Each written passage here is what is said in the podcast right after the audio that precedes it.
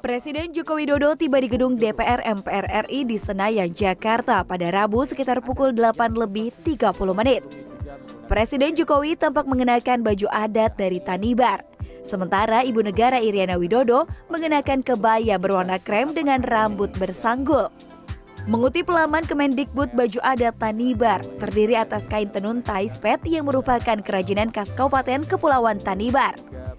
Motif tenun diambil dari lingkungan hidup masyarakat setempat, yakni flora dan fauna, seperti motif ulat, cicak, ikan, dan pepohonan. Menurut warga Tanibar, motif dan hiasan tersebut mengandung makna luhur dan merupakan salah satu jati diri Kepulauan Maluku. Pakaian adat ini bisa digunakan dalam acara kebesaran seperti perkawinan. Kepulauan Tanibar adalah sebuah kabupaten di Provinsi Maluku.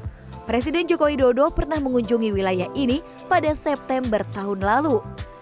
Kedatangan Presiden Kepulauan Tanibar pada saat itu disambut sangat meriah oleh warga setempat karena hampir 50 tahun setelah Presiden Soekarno belum ada pejabat tinggi negara yang mengunjungi Tanibar.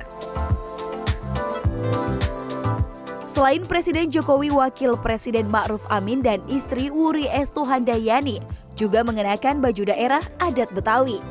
Sedangkan Ketua DPR Puan Maharani mengenakan baju adat Kalimantan Barat. Selebihnya para anggota dewan dan undangan mengenakan pakaian jas berdasi dan peci untuk laki-laki dan para perempuan mengenakan kebaya. Namun yang turut menarik perhatian adalah kehadiran dua ajudan Presiden Jokowi yang tampak gagah mengenakan baju adat suku Dayak dan Bali.